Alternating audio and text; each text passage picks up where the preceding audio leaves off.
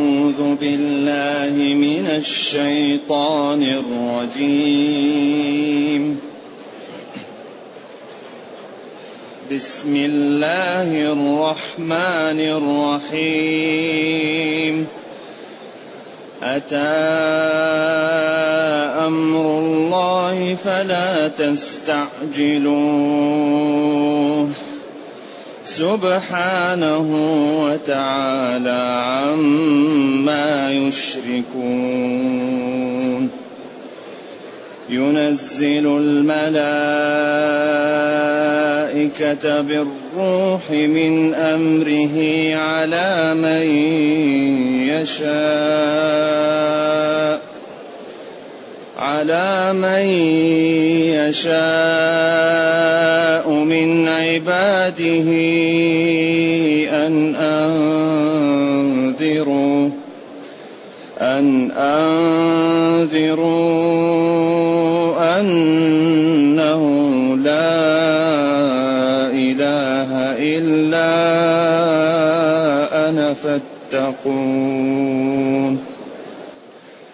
خلق السماوات والأرض بالحق. تعالى عما يشركون. خلق الإنسان من نطفة فإذا هو خصيم مبين. والأنعام خلقها لكم فيها دفء ومنافع ومنها تأكلون ولكم فيها جمال حين تريحون ولكم فيها جمال حين تريحون وحين تسرحون. وتحمل أثقالكم إلى بلد لم تكونوا بالغيه إلا بشق الأنفس. ان ربكم لرءوف رحيم والخيل والبغال والحمير لتركبوها وزينه ويخلق ما لا تعلمون وعلى الله قصد السبيل ومنها جائر. ولو شاء لهداكم أجمعين. الحمد لله الذي أنزل إلينا أشمل الكتاب وأرسل إلينا أفضل الرسل وجعلنا خير أمة أخرجت للناس. فله الحمد وله الشكر على هذه النعم العظيمة والآلاء الجسيمة. والصلاة والسلام على خير خلق الله وعلى آله وأصحابه ومن اهتدى بهداه. أما بعد فهذه السورة تسمى سورة النحل. لأن الله تعالى ذكر فيها النحل. قال وأوحى ربك إلى النحل. سميت السوره سورة النحل. ويسميها بعض المفسرين سورة النعم أو سورة الامتنان لكثرة النعم التي امتن الله فيها على خلقه في هذه السورة. والأنعام خلقها لكم والخيل والبغال وعلامات وبالنجم هم يهتدون. من بين فرث ودم لبنا خالصا من بطونها شراب مختلف ألوانه. والله أخرجكم من بطون أمهاتكم لا تعلمون شيئا وجعل لكم السمع والأبصار والأفئدة الآيات إذا هذه السورة تسمى سورة النعم. لما أسدى الله فيها على خلقه من النعم. نعم. وهي مكية. وقيل إلا آخر الآيات الخمسة والتسعين إلى ثمانية وتسعين. وهي قوله تعالى وإن عاقبتم فعاقبوا بمثل ما عوقبتم به به إلى نهاية السورة. قيل هذا مدني ونزل لما عزم النبي صلى الله عليه وسلم أنه يمثل بالكفار إذا تمكن فيهم فجاءت الآية أن هذه الآية مدنية. وقيل من أولها إلى خمسين آية مدني مكي والباقي مدني. والجمهور قالوا السورة مكية وهذا الذي تدل عليه النصوص. ولا أعرف شيء فيه ثابت وإنما هذا اجتهادات لأن الآيات كأن جاءت أسلوب تخاطب أهل المدينة. ما أعرف فيه شيء ثابت. أتى أمر الله. أتى جاء وأمر الله قضاؤه وحكمه والساعة أو عقابه للكفار. هذا القول الراجح. ولذلك قال تعالى اقترب للناس حسابهم وهم في غفلة معرضون.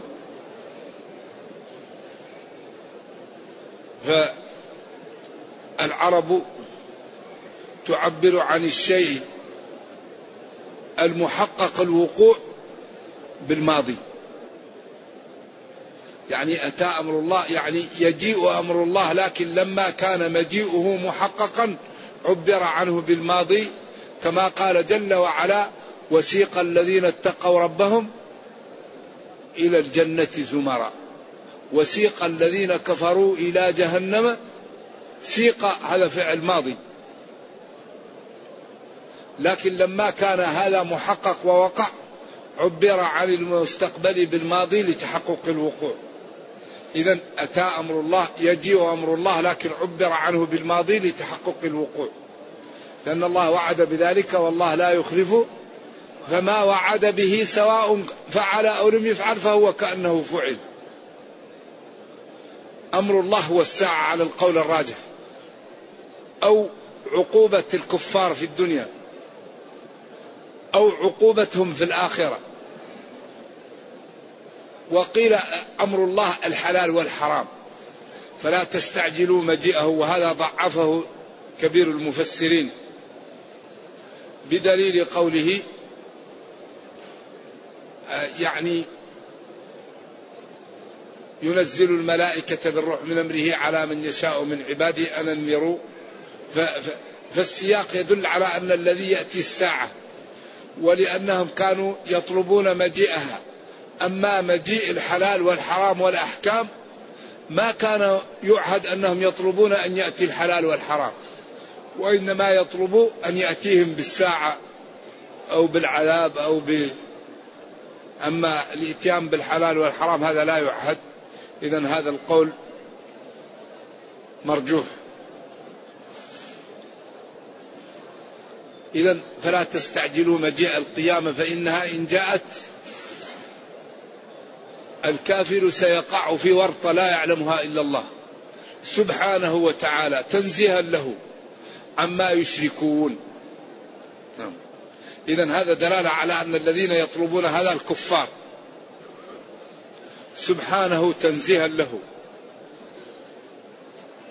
اللي هو الله وتعالى وتقدس عما يشرك به الكفار من الأنداد والأوثان ومن معبوداتهم بعدين خلق السماوات والأرض بالحق. خلق السماوات والأرض بحق لا غيره. فمن أين أن تكون العبادة لغيره وهو خالق السماوات والأرض؟ فذلك يكثر في الكتاب التنبيه على أن الذي يعبد هو الذي يخلق وأن الذي لا يخلق لا يعبد. خلق السماوات والأرض خلقا متلبسا بالصدق والحق وجعل ذلك حق وجعل نظامها حق وجعل أحكامه حق وجعل وعيده للكافرين حق. خلقها بالحق ابتلاء الناس ولي جعل هذه السماء المرتفعة وجعل فيها النجوم لثلاث فوائد. تجميل للسماء ولرمي الشياطين وللاهتداء بها. وعلامات وبالنجم هم يهتدون. إنا زينا السماء الدنيا بزينة الكواكب وجعلناها رجوما للشياطين. معروف. فجعل أيوة. ما هي؟ أتى أمر الله فلا تستعجلوه سبحانه وتعالى عما يشركون خلق السماوات والأرض. أتى أمر الله فلا تستعجلوه سبحانه وتعالى عما يشركون ينزل الملائكة بالروح من أمره. أيوة ينزل وينزل. الجمهور ينزل وفي قراءة ينزل. الملائكة بالروح من أمره الروح الوحي. من أمره أي بقضائه وقدره وبما أراد على خلقه. ينزل. سبحانه وتعالى عما يشركون ينزل الملائكة. يعني تنزيها له وتقديسا له عما يشركون بل هو جل وعلا ينزل الملائكة ينزل الرسل بالوحي الروح الوحي. لأن كما أن الروح هي اللي يحيا بها البدن. وينتعش فكذلك الإيمان والحياة تكون بالوحي. فكما أن الروح حياة للبدن فكذلك حياة البدن الحقيقية هي الإيمان. فكأن الإيمان بالنسبة للجسم كالروح بالنسبة له. فالذي لا إيمان له كالميت. والإيمان والوحي الذي يأتي بالإيمان ويأتي بطاعة الله فكأنه كالروح. ينزل الملائكة بالروح أي بالوحي من أمره أي بقضائه وقدره وبتشريعه على من يشاء من عباده. ولذلك قال إن نحن إلا بشر مثلكم ولكن الله يمن أن يوحي. كما قال قل إنما أنا بشر مثلكم يوحى إلي. ينزل الله جل وعلا أو ينزل الملائكة هم المنزلون. بالروح بالوحي من أمره نزولهم من أمر الله وبقضائه. ويقولون أن أنذروا بأن أنذروا أنه لا إله إلا أنا لا إله إلا الله. فاعبدوني ووحدوني ولا تشركوا بي شيئا. إذا ينزل الله تعالى الملائكة بالوحي من أمره بقضائه وقدره وشرعه لأجل أنه لا إله إلا هو. من أنه أو لأجل أنه لا إله إلا هو فوحدوه واعبدوه ولا تشركوا به شيئا. ثم قال خلق السماوات والأرض بالحق. خلق أوجد على غير مثال سابق. السماوات والأرض خلقا متلبسا بالحق. لا كذب فيه ولا رياء ولا سمعة ولا هزل لا. خلق السماوات والأرض بالحق. تعالى تنزه وتقدس عما يشركون أي عما يشرك الكفار به وهو الذي أرسل الرسل وأوجد الشمس والقمر وجعل السماوات والأرض. هذه القدرة الهائلة من اتصف بها هو الذي يستحق العبادة. خلق السماوات والأرض بالحق متلبسا بالحق. لا إله إلا هو. تنزيها له عما يشركون. سبحانه تعالى عما يشركون. خلق السماوات و... خلق الإنسان من نطفة. هنا لما أظهر قدرته وأنه أوجد السماء والأرض وأن الساعة قريب وأنه قادر بين امتنانه على الإنسان وضعفه وأنه خلقه من نطفة. خلق الإنسان من نطفة. النطفة الماء القليل من ماء مهين. بعدين قال فإذا هو خصيم مبين. خصيم فعيل من الخصومة. مبين أعطاه اللسان فإذا تكلم عبر أجمل تعبير وأفهم السامعين كما قال علمه البيان. خلق الإنسان من نطفة. ماء قليل. وبعدين شيء وشيء فإذا هو خصيم مبين. يزبد ويرعد ويتكلم ويكفر بالله ويأتي بالحجج والبراهين. من أين له هذا؟ من من من من رعاه؟ من علقة إلى إلى مضغة. إلى من علقة إلى مضغة. إلى إيش؟ إلى عظام إلى أن تكسى العظام لحم إلى أن ينشأ خلق آخر. خلقه من نطفة ماء قليل مهين. فإذا هو خصيم يخاصم. إنما أوتيته على علم. وبعدين يتكبر أنا أحيي وأميت يقول فرعون. وكل واحد يزبد ويرعد ويبين. نمرود هو فرعون نعم. فإذا هو خصيم مبين لما يريد أن يبينه لما أعطاه الله من من أدوات البيان. وكان الواجب عليه أنه لما خلقه ربه من نطفة يشكر الله ويطيع ولا يكفر به ويستعمل هذه المنافع في شكر الله. كما قال لعلكم تشكرون. ما يجعل هذا سبب في الكفر بالله والتكبر والطغيان وعبادة الأوثان عياذا بالله. ثم قال والأنعام. خلقها لكم. الأنعام خلقها. أي خلق الأنعام مشغول بخلقها بالضمير. الأنعام الإبل والبقر والغنم. هذه هي الأنعام. وقد تدخل الوحوش بالتبع. كما قال ثمانية أزواج من الضأن اثنين ومن المعز اثنين ومن الإبل اثنين ومن البقر اثنين. أيوة ثمانية. هذه هي الأنعام. خلقها لكم أوجدها لأجلكم فيها منافع حليب وركوب ومنها تأكلون اللحم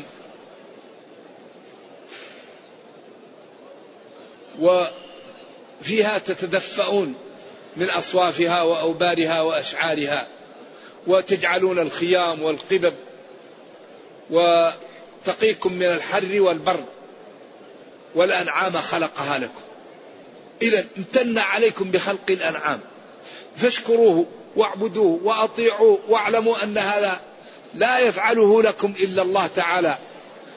فقابلوا الإنعام بالشكر ولا تكفروا بالله. الدفء هو ما يتدفأ به من البرد. ومنافع من الحليب ومن غيره. ومنها تأكلون. وش؟ ولكم فيها أي في الأنعام جمال حسن وبهاء حين تريحون. بعدين قدم الرواح لأنها تكون مليئة الضروع يعني مليئة الكروش يعني فتكون بهاءها وجمالها أجمل. فقدم الرواح على السراح لأن وقت السراح تكون ضامرة وتكون لا حلي لا لا لبن فيها. ولكن حين تريحون يكون بهاءها أجمل. قال ولكم فيها جمال حسن حين تريحون. حين تأتي وهي مليئة الضروع بالحليب ويعني مليئة من الأكل فيكون لها نشاط ولها جمال. وحين تسرحون أيضا لما تخرج وهي للسراح فيها جمال لكن جمالها وقت الرواح أكثر فلذلك قدم. ولكم فيها جمال حين تريحون وحين تسرحون. وتحمل هذه الأنعام أثقالكم يعني أمتعتكم الثقيلة إلى بلد لم تكونوا بالغيه إلا بشق الأنفس. سواء كنتم ذاهبون إلى الحج ذاهبين إلى الحج أو كنتم ذاهبون إلى التجارة أو غير ذلك. تحملوا أثقالكم أمتعتكم. إلى بلد لم تكونوا بالغيه إلا بشق الأنفس لو لم تكن عندكم هذه الجمال وهذه الأنعام التي تضعون عليها أمتعتكم. إن ربكم لرؤوف رحيم.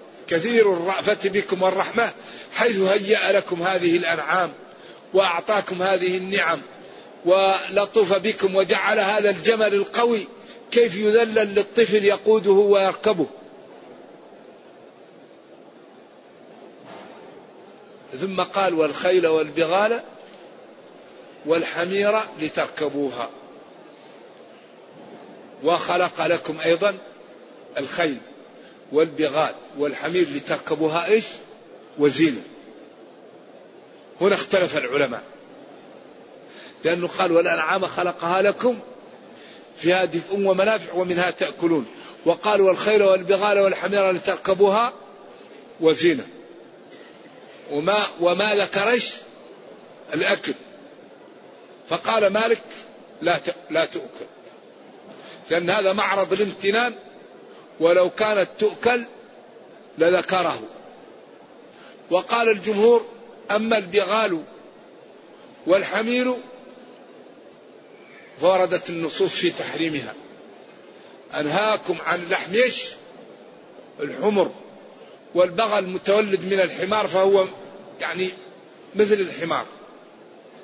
أما الخيل ففي نصوص صحيحة صريحة على جواز أكلها. وإن كان لإمام أهل المدينة قول لأنه دلالة الاقتران ضعيفة ليست قوية. وهو أنه قرنها بالحمير والبغال وقال إذا قال والخيل والبغال ولكن دلالة الاقتران ليست قوية ونحرنا فرسا على عهد رسول الله صلى الله عليه وسلم ولم يرد ما يدل على أن الخيل محرمة وكون أنها قرنت بها هذا لا يدل على أنها إيش؟ ولذلك ذكر إيش؟ هنا قال والأنعام خلقها لكم فيها دفء ومنافع ومنها تأكلون. نعم.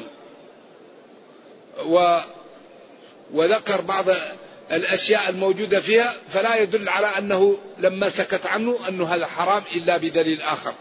وإنما ذكر الأشياء المهمة فيها وسكت عن هذا لكن عرف تحريم الحمور الأهلية بما لا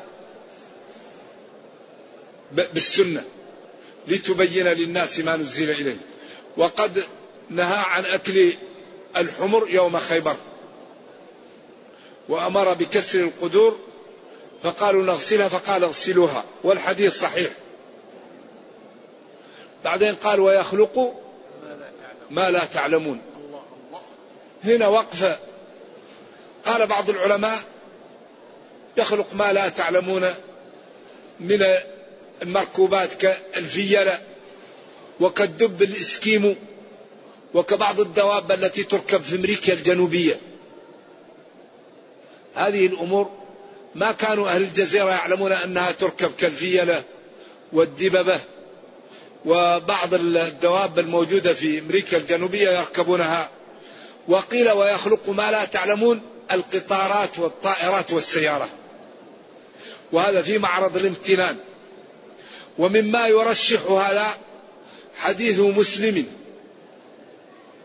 والذي نفسي بيده لا يبعثن فيكم ابن مريم حكما عدلا فلا يكسرن الصليب ولا يضعن الجزية ولتتركن القلاص فلا يسعى عليها. ولتتركن القلاص أي النوق فلا يسعى عليها. وهذا الحديث تحقق الآن سفينة الصحراء وهي الجمال لا يسافر عليها أحد الآن. ولا تتركن القلاص فلا يسعى عليها. وهذا في صحيح مسلم. لذلك بعض شراح الحديث ما فهموا أن في الدنيا تترك الإبل ولا يسافر عليها. قالوا هذا بين النفختين وإذا العشار عطلت. وقد تحقق الآن في أن أن أن أن أن, أن القلاص لا يسعى عليها. ولذلك قال ويخلق ما لا تعلمون في معرض الامتنان بالمركوبات. فالذي يظهر أننا لو قلنا يدخل في ذلك الطائرة والقطار والسيارة وما يستجد من المركوبات. لا مانع لأن القرآن حمال ذو وجوه. ولذلك قال ولا تتركن القلاص فلا يسعى عليها. ما فهموا الحديث والآن تبين أن القلاص لا يسعى عليها وإنما يسعى بها في السفن ويسعى بها في الطيران وفي الحماليات التي تحملها. ولا تجد إنسانا الآن يسافر على الإبل في هذه البلاد. ولذلك تحقق آخر هذا الحديث. وهذه معجزة لنبينا صلى الله عليه وسلم ومعجزاته كثيرة. نعم. إذا هذا ونرجو الله جل وعلا أن يرينا الحق حقا ويرزقنا اتباعه وأن يرينا الباطل باطلا ويرزقنا اجتنابه وأن لا يجعل الأمر ملتبسا علينا فنضل. سبحان ربك رب العزة عما يصفون وسلام على المرسلين والحمد لله رب العالمين والسلام عليكم ورحمة الله وبركاته. يقول ينزل الملائكة بالروح من أمره. وفي سورة القدر والروح فيها. وفي الرعد يحفظونه من أمر الله. هل الروح في الأولى هي التي في الثانية؟ لا.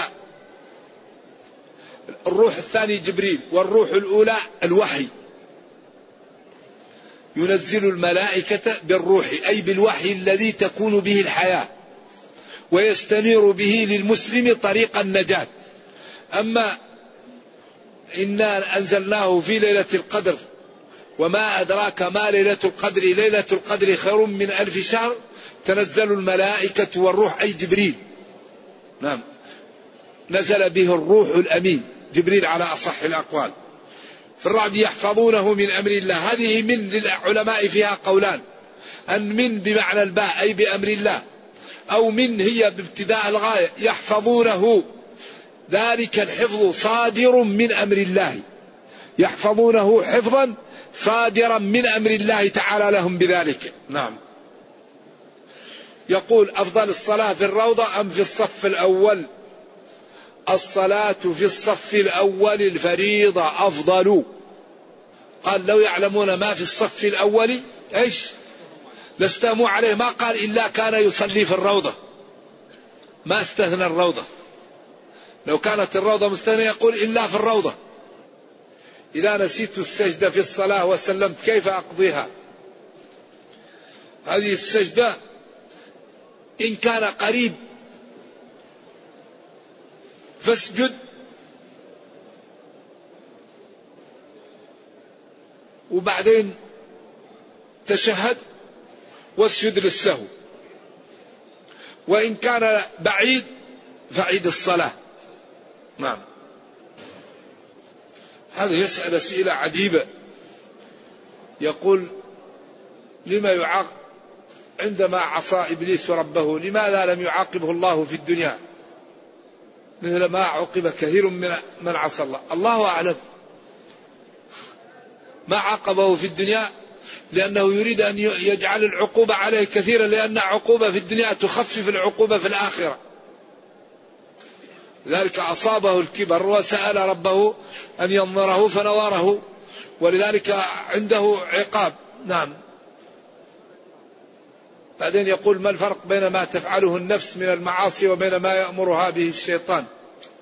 سبق أن قلنا إن فيه أمور هي تسبب للإنسان الضلال النفس والشيطان والناس والدنيا. النفس أمارة بالسوء والشيطان لكم عدو. وشياطين الإنس الناس. والدنيا اتقوا الدنيا. إنسان يحب الدنيا فيرابي ويظلم الأيتام ويغش وي... نعم هذه الأمور مشكلة. هل الشيطان الذي يضل الناس هو واحد أو الذي أخرج آدم من الجنة؟ وكيف يكون له المقدرة على ذلك؟ ورد عن النبي صلى الله عليه وسلم أنه قال إن الشيطان يجري من الإنسان مجرى الدم.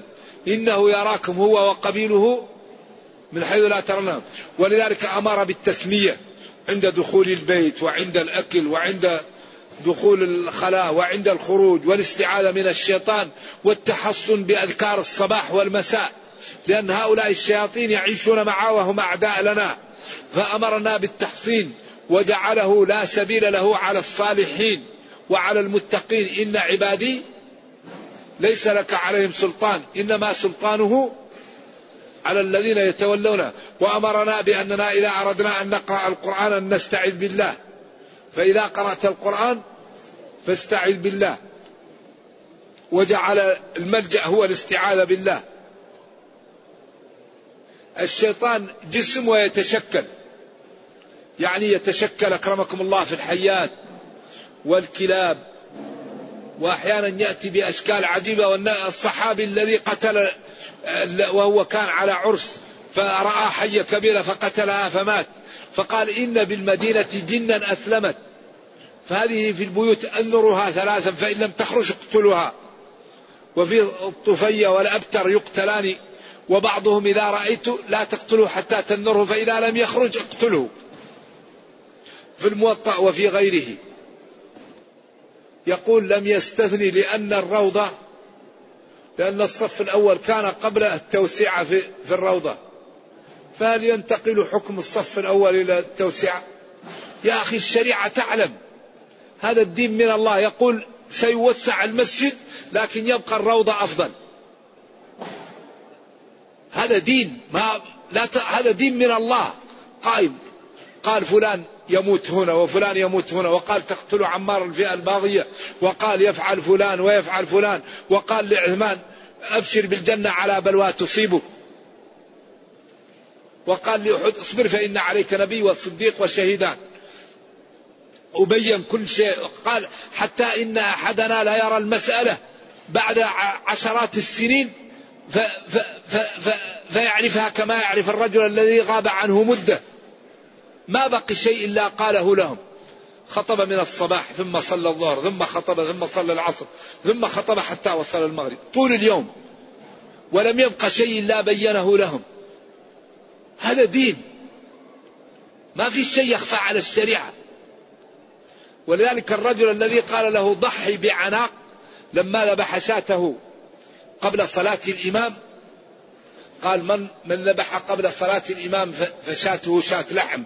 وليست شاة ضحية؟ قال يا رسول الله إن عندي ربا صغير وهو في البيت أفأضحي به. قال له ضحي به ولن يجزي عن أحد بعدك. لأنه لو سكت لكان إيش؟ يجزي عن الناس.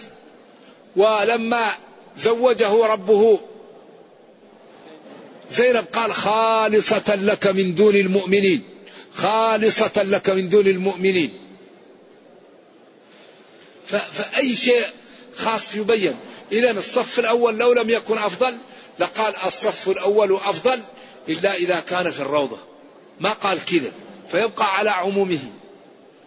فالشريعة هذه كاملة. بعدين هذا دين هذا محفوظ.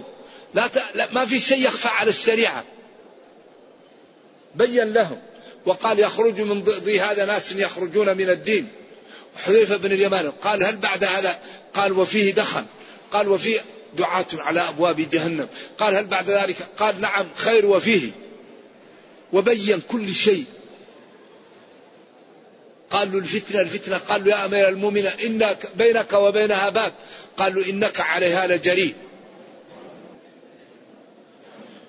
هل أجر عمرة في الذهاب إلى قبى خاص بيوم السبت فقط أم في كل يوم؟ وهل نقتصر على ركعتين أم تجوز الزيادة؟ أولا قال بعض العلماء السبب الذي يذهب النبي صلى الله عليه وسلم لقوبى يوم السبت أن المسلمين ما كانوا يجمعون إلا في مسجد النبي صلى الله عليه وسلم. وكانت الناس تأتي يوم السبت لتصلي في المسجد. فإذا جاءت من قوبى تخبر بأن شخصا مريض أو أن الناس مختلفون أو في مشكلة فيذهب فإذا ذهب هناك إيش؟ يصلي في مسجد قباء. ولذلك ورد ما ورد من صلى يوم السبت. من صلى ركعتين في قباء. من أتى هذا المسجد وصلى فيه صلاة. كان كأجر عمرة. وإذا صلى ركعتين أو أربعة أو صلى ما شاء لا يضر لكن عمرة واحدة سواء صلى ركعتين أو ركعات. نعم وهو كان يأتيه كل يوم سبت لكن بعض العلماء قال يأتيه لأن يأتوا هناك يوم الجمعة فيخبروه فيذهب هناك. وهي كأجر عمرة سواء صليت يوم السبت أو الأحد أو الأثنين أو الثلاثاء. لكن الأفضل اليوم الذي كان يمشي فيه النبي صلى الله عليه وسلم نمشي فيه لأنه قال لقد كان لكم في رسول الله أسوة حسنة. يقول جل وعلا لا تقم فيه أبدا. هل يجوز دعوة الناس في المقاهي وأماكن اللهو والكنيسة؟ لا ينبغي دعوة الناس لأماكن الملاهي. ولا ينبغي للطيبين أن يذهبوا لأماكن الملاهي لكن يذهبوا لأماكن الفسحة. إنسان يتفسح محل فيه زرع محل فيه مياه محل فيه مناظر جميلة محل فيه ظل. أما يذهب للعب المسلم ما يلعب لا. فماذا بعد الحق؟ إلا الضلال. واللعب للأطفال. أما العاقل لا يلعب ولا يجوز اللعب إلا في ثلاثة مع الزوجة ومع الفرس ومع الرمح. هذا يتمرن الواحد فيه أما غيره فلا. واحد يمرن فرسه ويمرن نفسه في أو مع زوجه لأن تنجب له الأولاد وتعفه. فهذه الأمور معها مطلوبة وتكون بأمور حلال. يجوز أن تعتمر عن والدتك المتوفاة. نعم. يجوز أن يعمل الإنسان العمرة عن غيره ميتا بلا خلاف إن قام بعمرة عن نفسه إن كان مسلما. ويجوز أن يعتمر الإنسان عن الحي لكن خلاف الأولى. الحي العمرة عنه خلاف الأولى فإن كان أبا أو شخص له عليك منا أو تحبه لك أن تعتمر عنه. وقال كثير من العلماء لا ينبغي للمسلم أن يحدث أكثر من عمرة من مكة. إذا كان في مكة يعتمر لكن يعتمر عمرة بعد عمرة, عمرة هذا ما فعله السلف لا يعهد هذا. مع كثرة الصحابة لم يعتمر من التنعيم إلا عائشة. فدل ذلك على أنه لو كان جائز أن الفضل في من هو في مكة أن يشتغل بماذا بالطواف. لأن الطواف صلاة وأنت في مكة فاشتغل بالطواف. والله أعلم.